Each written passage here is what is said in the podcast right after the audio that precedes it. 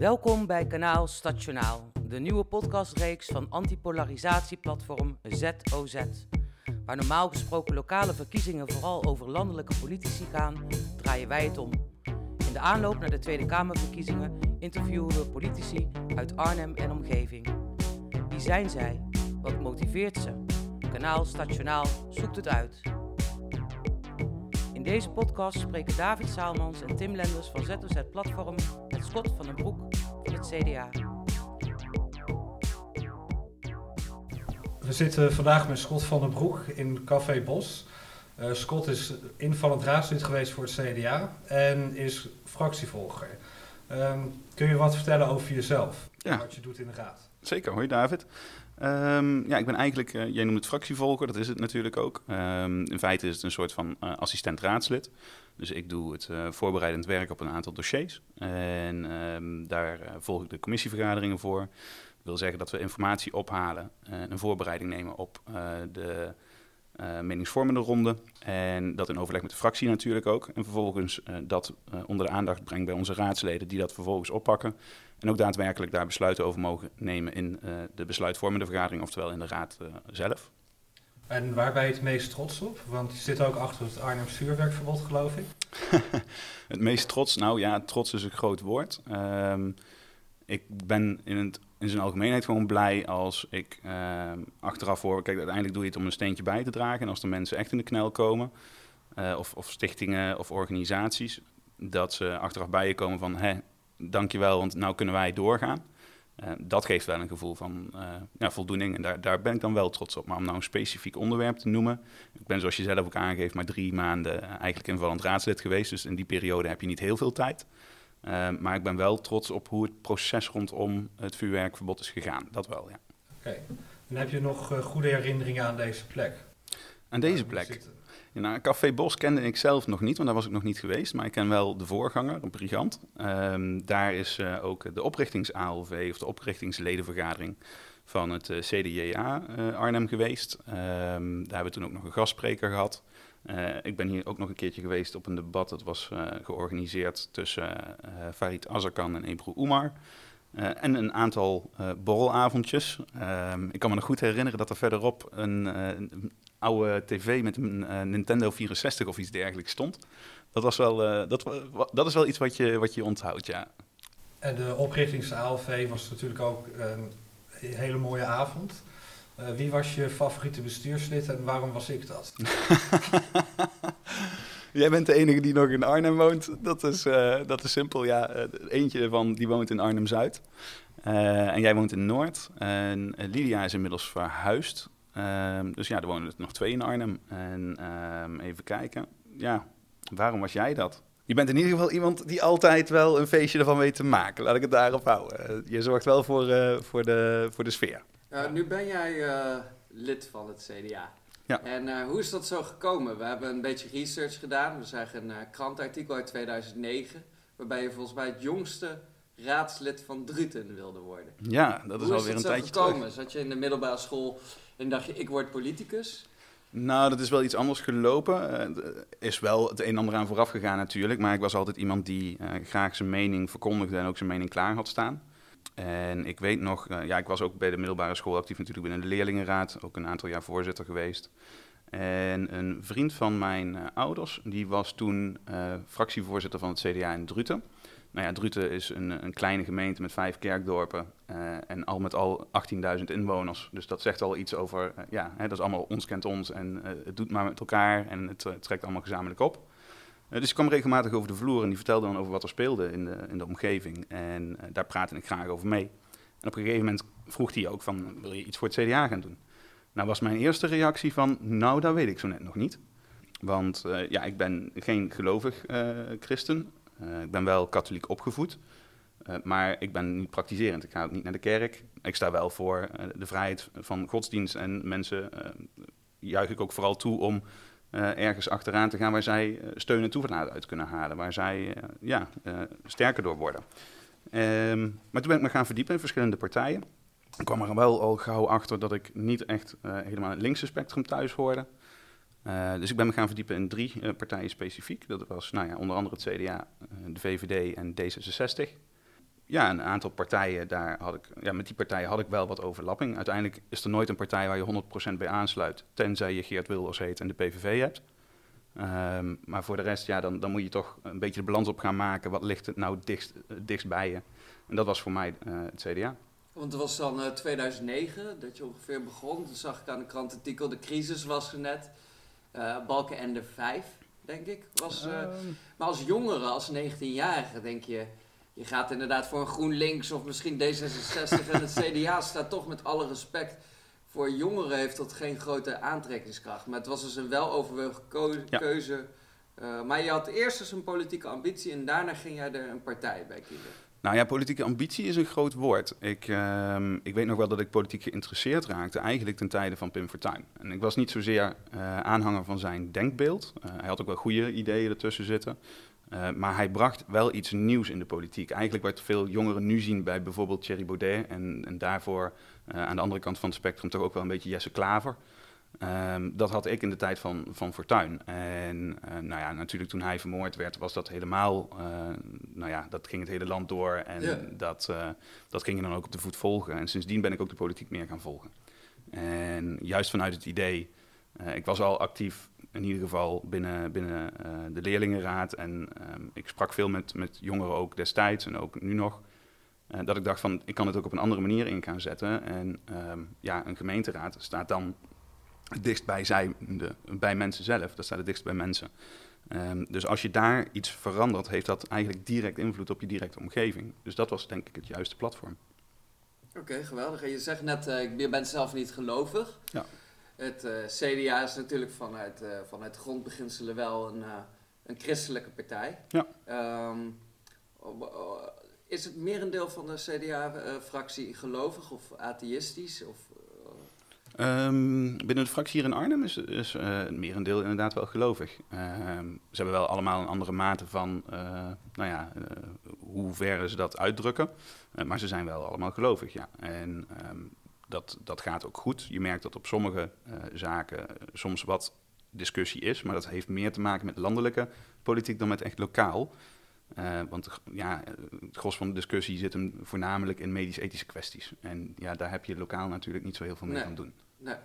En wordt er bij de vergadering bijvoorbeeld gebeden? Of uh, heb je dat wel eens meegemaakt? Uh, bij etentjes? Nee, niet, niet gebeden. Um, ledenvergaderingen worden wel altijd, of tenminste altijd, worden regelmatig geopend met een, met een vers. Um, maar gebeden niet, nee, dat heb ik nog niet meegemaakt. Ik, je ziet wel verschil, want ik ben ook door de tijd natuurlijk wat andere afdelingen uh, gaan verkennen ook en, en, contacten mee gaan leggen en ook vergaderingen bij gaan wonen. En dat verschilt wel heel erg waar dat je, waar dat je zit. Sommigen doen dat inderdaad uh, dagelijks. Ja, dat is uh, hier iets anders. Ja. Je bent natuurlijk geen fulltime politicus. Nee. wat doe je naast politiek? Ik uh, werk als uh, recruiter binnen uh, BVNG. Dat is een organisatie die uh, nou ja, ook weer bij gemeentes en gecertificeerde instellingen eigenlijk gekwalificeerd personeel, maar ook um, persoonlijk personeel aanlevert wat past binnen die organisaties. dat doen ze op drie domeinen. het sociale domein, daar ben ik ook op actief. Dat is ook een beetje raakvlak natuurlijk. het sociale domein wat ik, wat ik zelf interessant vind om het even zo te stellen. Maar ook op uh, het uh, fysieke domein en uh, zorg. En ja, ik voer dus eigenlijk een sollicitatiegesprek met mensen, evalueringsgesprekken, maar ook kijken wat hebben mensen nou nodig om zelf te kunnen ontwikkelen en om juist ook prettig in hun eigen rol te zitten. Je hebt het ook over het sociale domein. Er zit een stukje, ik denk wel, sociaal bewustzijn bij jou erin gebakken. Maar hoe ziet een ideale wereld er voor jou uit? Is dat een uh, hoe, welke kant zou jij graag op willen met Nederland als jij uh, helemaal bovenaan de politieke keten zou staan? Ik vind dat een hele gevaarlijke vraag eigenlijk. Want dat heeft. Als je kijkt waar we staan als maatschappij, dan is het wel een, ja, toch een multiculturele maatschappij. En niet alleen op basis van migratieachtergronden, maar ook zie je heel veel culturele verschillen al tussen Noord- en Zuid-Holland, tussen, tussen West- en Oost-Holland. de Veluwe en Arnhem al is. ja, ja, bijzonder. En ik denk dat, um, en dat is wel een interessant, want dan ga je het ook weer hebben over hoe ga je dan met elkaar vormgeven. En, en um, ik zou wel een toleranter Nederland naar elkaar willen zien. He, dat je, je hoeft het niet met elkaar eens te zijn, maar uiteindelijk moet je het wel met elkaar doen. En dat betekent dat je ontvankelijk moet zijn voor de denkwijze en de beleving van een ander.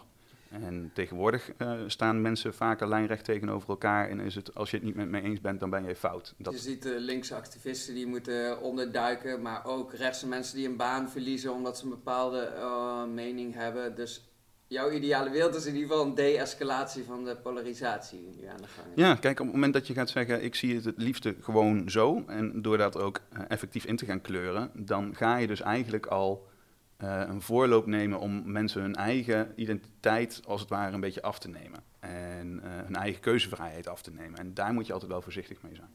Dus een soort autonomie meer. Dat je... Ja, sowieso. Dus, Oké. Ja, dat is ook wel een ideaal, toch? Dat is ook wel een ideaal. Toevallig, als je het hebt over autonomie, dat is wel, uh, dat is wel een leuke anekdote.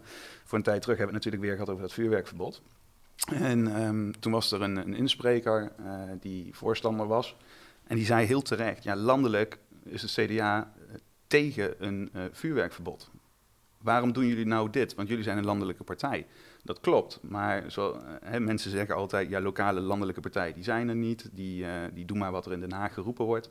Nou, daar hebben we dat, daar hebben we dat denk ik heel erg duidelijk kunnen bestrijden. Wij kiezen onze eigen lijn, wel vanuit dezelfde grondbeginselen, maar we zijn wel autonoom als partij, maar dat moeten we ook als mens kunnen zijn ik kan me voorstellen dat bijvoorbeeld andersom in Arnhem je minder bezig bent met het stikstofboerenvraagstuk dan uh, bijvoorbeeld in, in Brabant of Limburg, waar jullie toch goed vertegenwoordigd zijn en dat dat dan weer andersom werkt, toch? Dat, dat klopt zeker. Alleen zie je dat stikstof, die stikstofproblematiek die zie je meer terug hier als het gaat om woningbouwprojecten. want in, in kleine kernen wordt er natuurlijk aanzienlijk minder gebouwd. Uh, in de stad loopt dat wat harder uh, en heeft dat ook vaker meteen een, een, impact op de omgeving die je hebt. Een stad is vaker al, al, behoorlijk volgebouwd en moet dan groen op gaan offeren. Ja, dan ga je kijken naar die stikstofproblematiek en, uh, nog wel wat andere milieuzaken eh, die daarin van belang zijn. Dus ja, maar de thematiek en de onderwerpen verschillen wel aanzienlijk van elkaar. Oké. En heb je het idee dat Arnhem gepolariseerd is of dat Arnhem uit twee steden bestaat, Arnhem-Noord en Arnhem-Zuid? die opmerking die hoor je wel vaker inderdaad. Um, ik kan me dat enigszins voorstellen, maar eh, in de praktijk hoort dat natuurlijk niet zo te zijn. Um, je, ja, het, het, wordt natuurlijk wel lastig wanneer je een rivier hebt die dwars natuurlijk door je stad heen loopt. Dan heb je al een natuurlijke scheidslijn. Um, maar die moet je wel proberen zo, zo uh, veel mogelijk te beperken. En dat betekent dat je eigenlijk de voorzieningen in Zuid uh, ook op peil moet kunnen houden. Nou, dat uh, hebben we voor een paar jaar terug geprobeerd door bijvoorbeeld die grote megabioscoop te zetten of te plaatsen. nou ja, dat werd door de raad uiteindelijk afgewezen. Maar dat was bij uitstek een, een, onderwerp geweest of een project geweest waar je een hele omgeving aan had kunnen pakken. En waarbij je ook omliggende nou ja, uh, horeca had op kunnen stellen, andere bedrijven op had uh, uh, kunnen zetten. en een stukje groen meteen aantrekkelijker kunnen maken ten faveur van de bewoners in Zuid. Dus bijvoorbeeld een extra stadscentrum wel dat je creëert dan. bijvoorbeeld dat in Elde naast de bibliotheek ook een winkelstraat komt en een parkje. Of nou ja, gaat moet, dat dan weer te ver? Je moet wildgroei moet je wel uh, voorkomen inderdaad. Want uiteindelijk heb je je stadscentrum. Uh, kijk, ik, ik, woon dan ook in Noord, maar ik woon buiten het centrum. Uh, maar je moet wel voorkomen dat je twee verschillende locaties gaat creëren waar echt hotspots gaan ontstaan. want je wilt ook die focus naar de stad toe houden. En als je twee stadscentra zou gaan realiseren, ja, dan, is de dan is de vraag, is Arnhem één of twee steden? dan kun je die gaan bevestigen inderdaad. Dat moet je willen voorkomen. Het is wel grappig, want ik las een uh, boek over... Uh, in de jaren 40 en 50 waarschuwden stedenbouwkundigen al dat het een tweelingstad zou kunnen worden als je onder de, onder de rivieren ging bouwen. En uh, dat zie je misschien nou wel. Ik kom zelf uit Arnhem-Zuid. Mm -hmm. En ja, het was toch wel een, een, soort grens om de brug over te gaan. Dat noem je dan ook letterlijk zo. Maar nu, na 30 jaar, voel ik me wel Arnhemmer. Maar je hoort wel in Arnhem-Zuid dat als je in Arnhem-Zuid opgegroeid bent, dan zeggen ze, oh, dan ben je geen echte Arnhem. Ja, ja ik heb de opmerking ook gehoord. Uh, maar ja, dat is natuurlijk wel een, een, eh, een, keuze die je moet maken. Want als je naar het noorden gaat bouwen, dan bouw je de Veluwe in. En uh, ja, dan is, een, dan is de vraag, moet je dat willen? Uh, persoonlijk denk ik van niet. Ehm, maar ja, zoals het er nu uitziet, ik kan net zo goed genieten van Arnhem-Zuid... dan dat ik kan genieten, genieten van Noord. Um, weliswaar ben ik niet zo vaak in een, een, gelegenheid in Zuid, maar een aantal vrienden van mij wonen in Zuid en dat is prima vertoeven. Dus ja, één mooie stad. En andersom, je hebt, volgens mij komen er 60.000 nieuwe huizen bij in de regio Arnhem-Nijmegen, dat is het plan. Uh, dan kan je hem ook nog omstellen. Wordt, Arnhem en Nijmegen worden dat, wordt dat samen één stad? Uh, jij bent 025, wel een soort intentie toch, om samen meer op te trekken? Ja, dat is, dat is natuurlijk al jaren eigenlijk een, intentie en een streven. en dat gebeurt uh, ook, ook, met regelmaat. maar je ziet wel dat, nou ja, in ieder geval onder de bevolking natuurlijk een aanzienlijk... Nou, misschien is het geen cultureel verschil, maar in ieder geval daar heb je die haat en nijd nog. In ieder geval als het gaat over het voetbal. De vraag is of je daar één stad van kunt gaan maken. Dat is, denk ik, nou ja, als het al toekomstmuziek is, dan is het wel hele verre toekomstmuziek. Ehm, maar sowieso bouwen hier, niet alleen hier, dat zal in heel Nederland moeten gebeuren. Want er ligt natuurlijk een, een hele grote opgave als het gaat om de woningnood. En, we gaan binnenkort natuurlijk stemmen voor de Tweede Kamerverkiezingen en voor het DIFTA-referendum in Arnhem. Ja. Ehm, heb je het idee dat Arnhem vertegenwoordigd is in de Tweede Kamer. En is dat mm. belangrijk? Dat is zeker belangrijk, uh, maar in mijn optiek niet genoeg. Uh, als ik eh, de lijst bekijk, niet alleen van het CDA, maar ook van andere partijen, uh, dan is er volgens mij maar één partij die iemand in de top 10 heeft staan die uit Arnhem komt. Overigens geldt dat hetzelfde voor Nijmegen. deze regio komt op mij een beetje over als toch een beetje ehm, ja, onder het tapijt geschoven.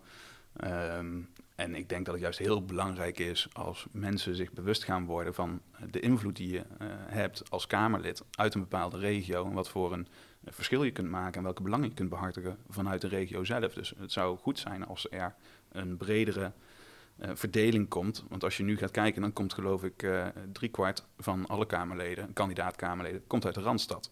Nederland is veel groter dan dat. En heb je het idee dat er heel veel verschil zit dan tussen de belangen van Randstadpolitici en belangen, belangen hier? Belangen is een ingewikkelde. Ik denk wel, kijk, op het moment dat je um, als Kamerlid ergens te werk gaat, dat geldt ook als raadslid. Um, toen ik net naar Arnhem kwam, want ik uh, kom natuurlijk, ja, zoals ik al aangaf, uit het land van Maas en Waal, uit Druten, um, was dat voor mij een, een nou, allereerst een culturele omslag.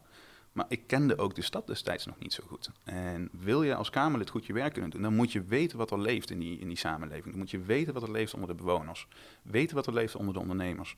Um, in, in verschillende sectoren. En ja, dan is het goed om ook een afspiegeling daarvan te zien. We roepen altijd, uh, de Kamerleden moeten een afspiegeling zijn van de maatschappij als het gaat om etniciteit, als het gaat om geloof, als het gaat om uh, seksuele voorkeuren.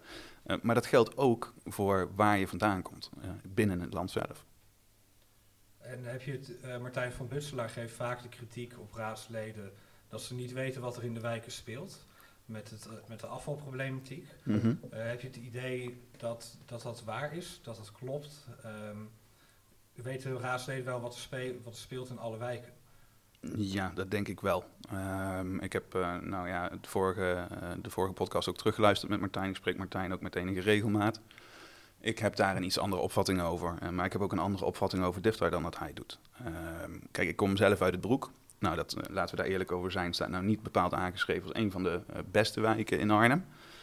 Um, maar daar zien we ook een terugloop van bijvoorbeeld dumpingen. En ik zie ook, en daar heb ik ook zelf gesprekken over gevoerd met mensen in de straat Um, van ja, hè, wat maakt nou dat die buurman het dumpt? En dan ga je, uh, ik ben één keer zelfs met uh, mijn andere buurvrouw naar een van die mensen toegegaan en aangegeven van ja, hè, leg nou eens uit waarom we je nou zien uh, dumpen naast de container.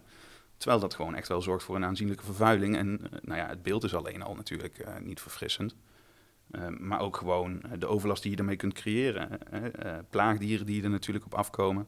En dan is het toch, ja, door met zo iemand in gesprek te gaan, kun je iemand ook overtuigen. En we zien inderdaad ook gewoon dat die dumpingen teruglopen. En dat zou denk ik meer moeten gebeuren. Maar door daarmee te stellen, als je van opvatting verschilt dat je niet weet wat er leeft op straat, vind ik uh, ja, te kort door de bocht. Dus als ik het goed begrijp, gaat het is het CDA voor Diftar. Ja. En ga je zelf waarschijnlijk ook stemmen om het systeem te behouden. Ja, nee, dat klopt. Um, dat het systeem niet perfect is, dat realiseren we ons allemaal. Uh, maar DIFTAR is uh, niet zozeer dit systeem. DIFTAR is echt het gedifferentieerde tarief. Dus dat wil zeggen dat je eigenlijk de kosten gaat verdelen naar rato. En dat je eigenlijk gaat zeggen, de mensen die het meest vervuilen, die gaan betalen. en dat ja, is denk ik iets wat eerlijk is, iets wat fair is. Alleen de wijze waarop je dat doet, dat kan verschillen. En nu zitten bijvoorbeeld die 30 liter containers zitten erin. We hebben ook geopperd promotie om daar gewoon weer 60 liter van te maken. Dan heb je in ieder geval niet meer dat die uh, kleppen gaan klemmen. Uh, dan heb je dat mensen uh, niet, zoveel, niet zo vaak hoeven te lopen, maar dat ze bijvoorbeeld een dag of twee later kunnen gaan lopen of drie, afhankelijk van wat ze verbruiken. En in één keer zo'n zak weg kunnen gooien. Ja, dat, dat doet al een hele hoop in de beleving natuurlijk van mensen en het nieuwe afvalbeleid. Je kunt trouwens gewoon die 60 liter zakken erin gooien. Dat heb ja, je kunt het erin gooien, maar de kans dat het blijft zitten, dat, uh, die is ook aanwezig. Uh, zeker. Wat ik net uh, interessant vond, is dat je zei, je gaat als hoedanigheid van fractievolger wel naar de buren en je confronteert ze met waarom dump jij dat? Vind je dat eng? is het mogelijk om in Arnhem, kan je als bijvoorbeeld in jouw optiek als PVV-fractielid naar de moskee gaan om mensen om een dialoog aan te gaan? of vind jij de kloof heel groot tussen burger en politicus? Nou, het hangt er ook heel erg vanaf hoe dat je op iemand afstapt bij mij in de straat uh, staat ook regelmatig politie verderop. Ehm, dan, uh, daar wonen een aantal mensen. Ja, dat, dat gaat niet altijd even goed. Dat is natuurlijk ook spijtig om te zien. Daar, ik weet niet wat de situatie daar in huis is. En dat gaat mij persoonlijk natuurlijk ook niks aan. Maar als jij al kwaad op iemand afstapt. met ja, brede schouders, om het even zo te zeggen. Dan, kun je, verwachten, ja, dan kun je verwachten dat je een hele andere reactie gaat krijgen. Maar als je daar gewoon heel rustig en luchtig naartoe gaat. En aangeeft van: hé, hey, mag ik iets vragen? ik zie toevallig dat dit en dit, ik zie jou dit en dit doen. Zou je me eens even willen vertellen waarom je het er niet gewoon ingooit? En ja, dan, dan ga je zien dat mensen toch al heel anders reageren. En dat, dat heeft toch ook, ja, noem het uh, misschien de gemoedelijkheid nog inderdaad van het Maas en Waalse. De stad is wat harder. Arnhem is ook wel een ruwere stad. maar dat wil absoluut niet zeggen dat je niet met, met elkaar het gesprek kunt voeren. Nee, dat denk wel als Arnhem dat het wel hard is, maar je kan wel mensen staan wel open voor, voor dialoog. Ja, en, nee, absoluut. Het CDA roept natuurlijk niet hele heftige, extreme reacties op bij mensen, maar heb je het gevoel dat, dat uh, de toon verhardt in Nederland? Dat sommige ja. mensen echt op een, een tellen passen om te zeggen wat ze vinden, om, uit angst voor confrontaties. En is dat ook zo in Arnhem? Kan jij je zaken herinneren waar aan politici denken, nu moet ik mijn mond houden, of ze worden echt op de deur opgezocht? Nou ja, ik heb uh, het zelf niet meegemaakt in, in, dit dossier, maar ik weet dat er een aantal raadsleden uh, ten tijde van de besprekingen van de biomassa wel uh, bedreigd zijn. Ik heb, eh, nou ja, of dat nou gericht was aan, aan specifiek ons, dat weet ik niet. Maar iemand die behoorlijk wat moeite had met landelijke politiek, die belde mij op mijn privénummer. en die heeft daar ook het een en ander, ja, een scheldkanonade afgevuurd. en en nou, daar word je ook bedreigd ja, dat, dat zie je gebeuren. Ehm, de maatschappij verruwt ook, absoluut. Uh, dat is precies wat jij toen straks ook zei. Je ziet dat links moet vluchten, je ziet dat rechts moet vluchten. Ik zou daar uh, ja, heel erg van, van af willen stappen. Maar dat heeft ook iets te maken met, denk ik, een stukje identiteitspolitiek. Uh, waar ik zelf geen voorstander van ben. Ehm, want daarmee ja, heb ik toch het idee dat je culturele verschillen, ondanks dat je ze misschien pretendeert te ambiëren en pretendeert ervoor te staan, toch gaat verdrukken. En daarmee ja, disclassificeer je al bevolkingsgroepen. En dat, is, ja, dat, dat zorgt er alleen maar voor dat het debat alleen maar ruwer wordt uh, tot op het onfatsoenlijke af. Ja, ik denk dat dat ook een uh, scheidingslijn is in links zelf. Aan de ene kant uh, die identiteitspolitiek er ook vanuit gaat dat Nederlandse onderdanen een slachtoffer zijn misschien. Maar je hebt ook zo organisaties als Vrij Links of collectieven die dat ook proberen te doorbreken. En je, zegt, je zei in het begin van het interview dat je als uh, jongere drie partijen had uitgekozen om je op te oriënteren, maar dat links het niet voor jou was. Had die identiteitspolitiek daarmee te maken? Wat... Nee, want die was toen nog niet zo erg aan de orde als dat je die hedendaags ziet. Um, voor mij zat hem dat vooral in een stukje. Um, kijk, ik, ik, kom uit een, uh, uit een gezin wat het sowieso goed had, uh, financieel gezien. En dan kijk je al met een hele andere bril naar de wereld ik zelf ben van mening dat iedereen een eigen verantwoordelijkheid heeft om een actieve bijdrage te leveren. Uh, dat wil niet zeggen dat je allemaal vrijwilligerswerk moet gaan doen.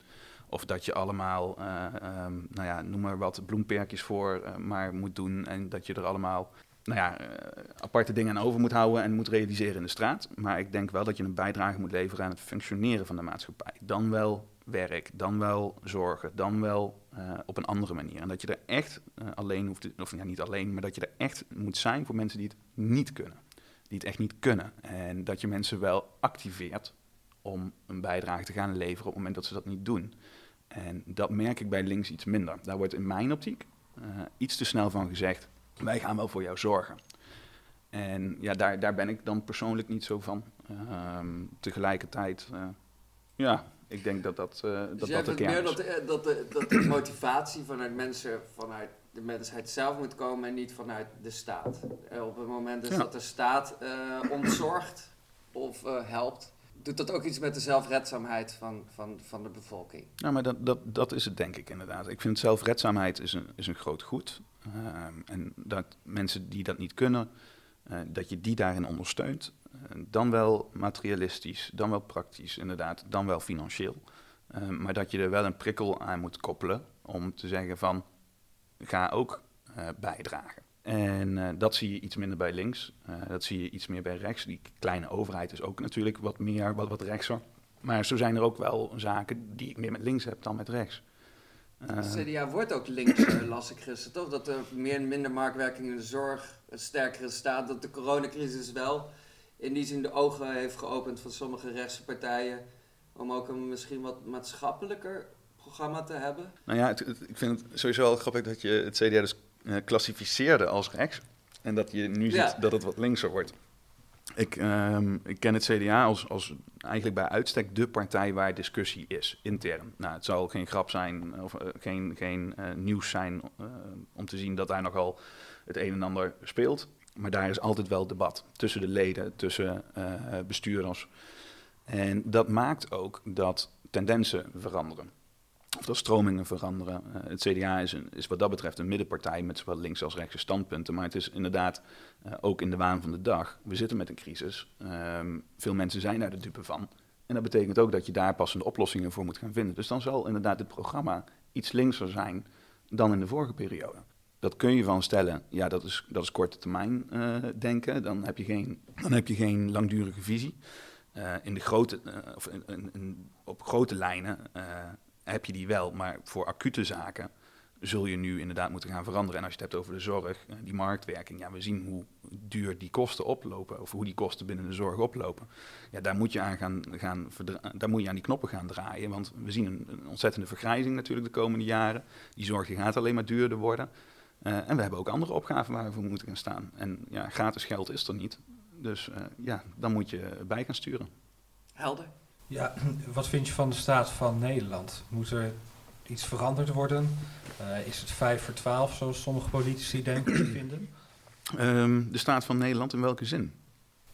Nou, met, in, met polarisatie, je had het net over identiteitspolitiek. Ja. Hoe zou je dat veranderen? Nou, ik denk niet zozeer dat alleen politici dat kunnen. Uh, als je het hebt over iedereen moet een bijdrage le leveren, heeft ook iedereen een verantwoordelijkheid. Of je nou politicus bent, of dat je uh, nou ja, ondernemer bent, of dat je thuis bent en zorgt voor het gezin. Um, iedereen heeft een verantwoordelijkheid. En dat wil niet alleen zeggen dat je moet stemmen, maar dat wil ook zeggen dat, je, dat ik vind dat iemand een verantwoordelijkheid heeft om zich ook daadwerkelijk te verdiepen in die partijen en in de standpunten waar ze voor staan en wat ze willen realiseren. En dat is meer dan alleen een krantenartikel lezen. Want daar, dat zie je wel veel. En ook in politiek, in het politieke landschap zelf. Je ziet politici die eerder achter krantenkoppen aan gaan jagen, dan dat ze actief aan de slag gaan met de problemen die al wat langer spelen. En dat vond ik wel uh, eigenlijk een verademing om te zien. hoe onder andere, en dat is niet omdat hij van het CDA is, maar hoe Pieter Omtzigt, samen met Renske Leijten natuurlijk van de SP, zich zo ontzettend geworteld hebben in, dat, in die hele toeslagenaffaire. Dat is wat je zou moeten doen als politicus. in ieder geval als Kamerlid of als, als raadslid. En uh, bestuurders controleren. En dat is wat anders inderdaad dan inspelen op krantenartikelen of inspelen op onderbuikgevoelens van mensen. Omtzigt die zei van de tegenmacht en de macht, dat moet hersteld worden omdat we anders als rechtsstaat een probleem hebben. Even vrij vertaald. Ja, maar daar heeft hij denk ik wel terecht een punt. Dus jij gelooft dat de, de, dat de polarisatie naast een soort verantwoordelijkheid van de bevolking zelf een sterkere rechtszaak staat kan zijn. Want je hebt nu 37 partijen, of 41 zelfs. Maar tegelijkertijd, als ik de meeste... Er is nog nooit zoveel keus uh, geweest. Maar toch, als je de mensen spreekt op straat, zeggen ze vaak: Ik weet niet of ik moet stemmen, ik vind Ja. het allemaal één pot nat. Wat zou jij tegen eigenlijk die sceptische mensen willen zeggen? Van die mensen van het heeft geen zin. Of, Nou, daar, daar wil ik dadelijk wel op terugkomen. Eh, maar Ja. als je het goed vindt, dan, dan reageer Graag, ik even op graag, dat eerste. graag. Die, die versplinterdheid in die politieke partijen is in mijn inziens niet positief. Want hè, je gaat alleen maar, eh, het gaat alleen maar ervoor zorgen dat het lastiger wordt dadelijk om, om coalities eh, te vormen, om afspraken te vormen. Maar dat is politiek aan zich, dat is democratie, dat is eh, kiezen, maar ook afstemmen. En dat wil zeggen dat je altijd water bij de wijn moet gaan doen. Polderen. Ja, polderen. Maar mensen moeten zich ook beseffen dat dat betekent dat als je op een partij stemt, er nooit 100% van eh, gerealiseerd kan gaan worden. En dat je dus aan tafel moet met eh, partijen, mensen, met andere idealen, met andere opvattingen, andere oplossingen. En daar een middenweg in, in voor eh, moet gaan zoeken. En ehm, dat besef is er, denk ik, iets te weinig. En dat maakt ook dat mensen steeds meer eigen partijen op gaan richten uit onvrede. Van ja, die staat niet volledig waar ik voor sta. Maar dan ga je het wel heel ingewikkeld maken. Je had het net over dat je het zo fijn vond bij het CDA dat het een brede partij is. Waar je Ja. bijvoorbeeld en meer wat hardliner kan zijn of wat meer sociaal eh, christelijk eh, kan zijn. Dus jij zegt bijvoorbeeld in plaats van de eh Bijeen en GroenLinks en Partij voor de Dieren, dat hadden ook prima vleugels kunnen zijn van het PvdA. Of dat je misschien beter op de meest progressieve van het PvdA kan stemmen dan op Bijeen. Of, eh, Die, die, eh, kijk, dat mensen dat moeten, eh, dat, die keuze ligt uiteindelijk bij hun, maar dat zou inderdaad wel mijn advies zijn. Sterker nog, ik heb pas nog tegen een, een vriendin gezegd die vroeg van, ja, ik, merk dat ik niet helemaal weet waar ik op moet gaan stemmen. Er zijn zoveel verschillende partijen, ik heb nog steeds geen stemwijzer gedaan. Ja, en daarin heb ik wel gezegd van, nou ja, als je het mij vraagt vanuit de geschiedenis en vanuit partijen waarvan je weet dat die ook bestuurlijke verantwoordelijkheid kunnen nemen, dat die ook echt aan het roer kunnen gaan staan. Los van of je het er inhoudelijk mee eens bent, zou ik inderdaad kijken naar een eh, VVD, CDA, D66, PVDA. Ja. Om, ja, want eh, als je kijkt naar de provo's en de rockers en de punk, dat gebeurde ook allemaal met een middenkabinet CDA. Het, zou, het zegt niet dat als we terugtrekken naar het midden dat je niet jezelf eh, kunt zijn. Maar ben je dan ook voor een kiesdrempel? Dat je bijvoorbeeld minimaal drie zetels moet halen, juist om die versplintering te komen? ja, dat is wel een, eh, een ingewikkelde. Dat is een hele ingewikkelde, want door Ja, dat te stellen... Bijvoorbeeld voor Forum voor Democratie, ik moet even verduidelijken, excuses. Die had eh, volgens mij eh, de laatste keer bij de Eerste Kamerverkiezing... was de grootste partij met 14% van de stemmen. Dus die, eh, dat moet ik even rekenen, volgens mij is- is zeven... één op de zeven mensen stemmen op de grootste partij. Ja. Dat is eigenlijk heel erg treurig. Ja, dat is wat anders dan eh, de tijden waarin je 50, 60 Ja, zetels ja. haalde als, eh, als bijvoorbeeld KVP of zo. Eh, ja, nee, zeker. Maar moet je dan een kiesdrempel in gaan, stemmen, in gaan stellen? Kijk, op het moment dat je dat doet, er zit een verschil tussen wat, wat in, daarin moreel juist is en wat daarin praktisch juist is. Moreel zou ik zeggen nee. Want wat doe je daarmee? Je schrijft per definitie ehm, mensen in de bevolking af door te stellen, ja, jouw partij is niet groot genoeg, dus die mogen niet meedoen. En dat is al een ingewikkeld vraagstuk. Ehm, aan de andere kant, ja, het maakt het wel degelijk praktischer, want daarmee gaan die restzetels, om het even zo te zeggen, die gaan verdeeld worden over partijen die wel die kiesdrempel hebben gehaald. En dat maakt het vervolgens weer eenvoudiger om eh, die, die onderhandelingen met elkaar te gaan voeren. Dus ja, dat is een, dat is een heel ingewikkeld vraagstuk. En daar heb ik het antwoord denk ik Nee. niet op. Want ik heb bijvoorbeeld wel gezien met Partij voor de Dieren, maar ik kan me ook voorstellen dat als een piratenpartij met één zetel komt, ze wel heel veel wetsvoorstellen doen om bijvoorbeeld de privacy of de cybersecurity van de... de je kan als één zetelpartij alsnog wel veel bereiken, toch? Dat- Zeker. Ehm, kijk, afhankelijk van hoe uiteindelijk de uitkomsten van verkiezingen zijn. Stel nou een ehm, toekomstig eh, kabinet, om maar wat even te noemen als je het hebt over een verdeling tussen links en rechts, VVD, CDA, VVD, of eh, PvdA, CDA, VVD. eh, die komen uit op eh 74 zetels. Om even wat te zeggen. Die kunnen een Partij van de Dieren, die met drie of vier zetels bewijzen van daarin zou zitten, ik weet niet wat dadelijk de uitslag is, zouden zij natuurlijk, die, die kunnen heel veel invloed daarop uitoefenen. Want die zijn dan, dan is het, het gehele kabinet wel afhankelijk van hun eh, medewerking en van hun steun voor hun eh, eh, plannen. Maar dat betekent ook dat zij invloed uit kunnen oefenen op hoe die plannen eruit komen te zien. En ja, dat, zeker heeft dat, hebben die invloed. Ja, in ieder geval bedankt voor het interview. Is er nog iets wat je kwijt wil? Is er nog iets wat ik kwijt wil? Nou ja, dat zou denk ik een beetje dezelfde oproep zijn als, als waar we eerder al over spraken. blijf met elkaar het gesprek voeren. Of je nou links bent of rechts, of je nou man bent of vrouw, Nederlander of een migratieachtergrond hebt. Voer met elkaar het gesprek, want ook op die manier leer je elkaar beter begrijpen. En ehm, ja, als je ergens een opvatting over hebt, verdiep je dan ook in, in die politiek. En neem dan ook die verantwoordelijkheid. Niet alleen om één keer per vier jaar het vakje te, in te kleuren, maar ook om een bijdrage op die manier te leveren. Want daar is iedereen bij gebaat. Ja, bedankt. Mooie woorden. Graag gedaan.